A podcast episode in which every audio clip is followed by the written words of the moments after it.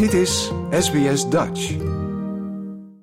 Heeft u moeite om geld te sparen? U bent niet de enige. Het spaargedrag van Australische huishoudens heeft het laagste punt in 17 jaar bereikt. Slechts 1,1% van het beschikbare inkomen wordt gespaard. Hoewel de hoge kosten van levensonderhoud gedeeltelijk de oorzaak zijn, zegt een econoom dat dit vooral het gevolg is van een weloverwogen beslissing van de Reserve Bank of Australia. SBS Dutch. Deel ons verhalen op Facebook. Australische huishoudens sparen niet. Dat is waarschijnlijk geen verrassing, aangezien de druk op de kosten van levensonderhoud veel huishoudens dwingt om meer geld uit te geven aan essentiële zaken, zoals boodschappen of de dokter. Volgens het Australische Bureau voor de Statistiek, de ABS, is het spaargedrag van Australiërs in 17 jaar niet zo slecht geweest.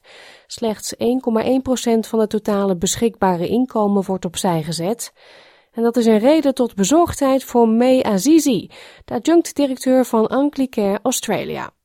It is concerning that fewer and fewer people are able to save and have a buffer. Uh, but it's also not surprising because we know that rents have been going up by about 10% every single year. Rents have gone up by about 75% since the onset of the pandemic. I don't know anybody who's had a wage increase of 75%. And so it's it's really not surprising when we're seeing so many people in rental stress, but also housing stress. Mevrouw Azize zegt dat meer mensen met een stabiel inkomen steun zoeken bij Anglicare.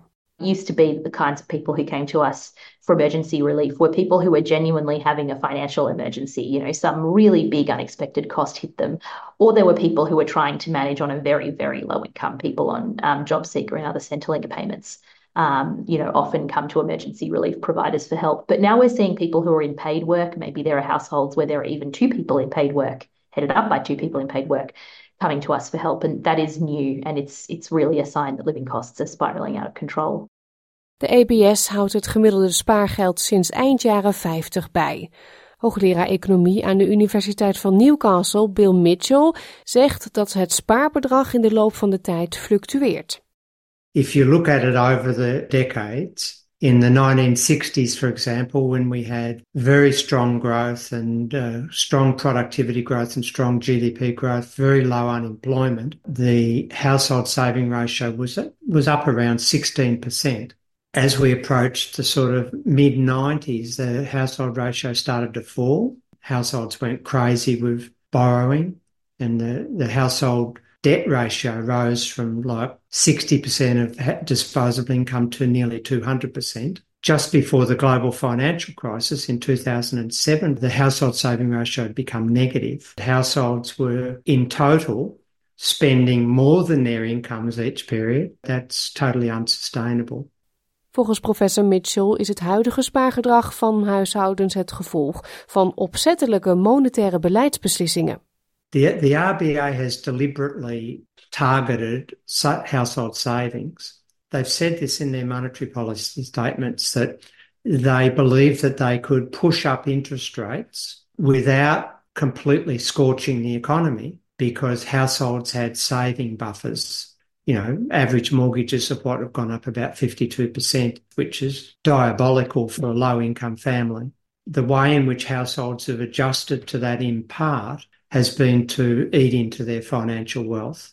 And so that's why saving ratio is falling close to zero again. And uh, it's unsustainable in my view. And uh, and I find it sort of reprehensible that government policy would deliberately rely on households destroying their own wealth and their own future and their own ability to risk manage to avoid political stress from harsh economic policies.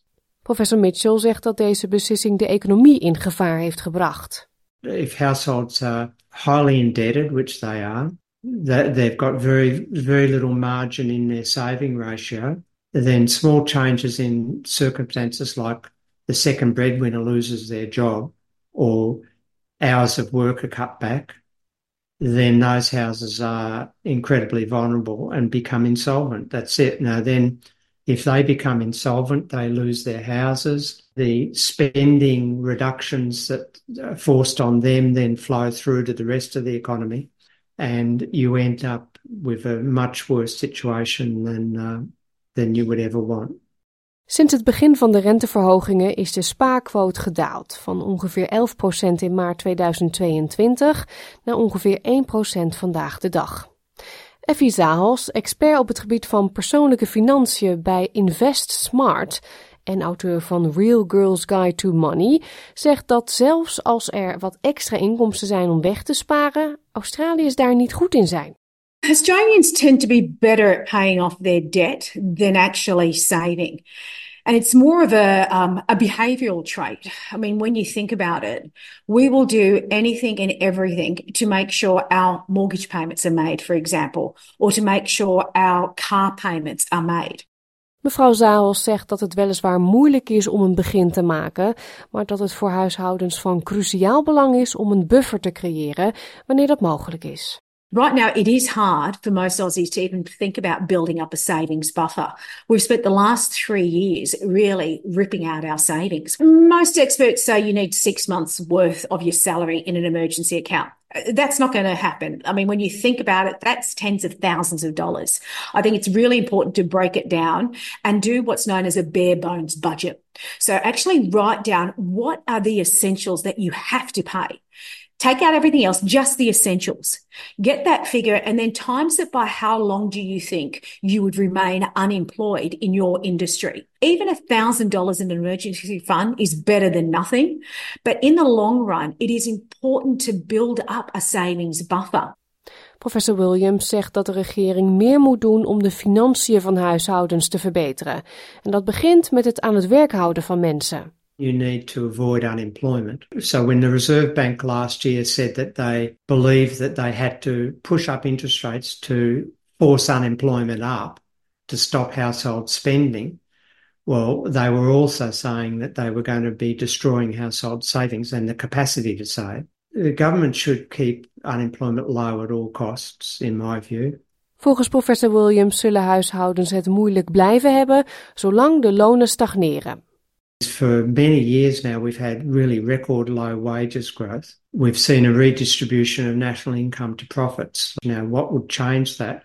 Make it easier for workers to get wage increases. What stops workers getting wage increases? Pernicious industrial relations legislation. That, that mentality has to change for a sustainable increase and persistence in a healthy saving ratio.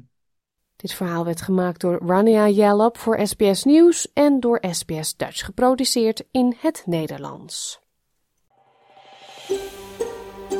Wil je nog meer soortgelijke verhalen? Luister via Apple Podcasts, Google Podcasts, Spotify of waar je je podcasts dan ook vandaan haalt.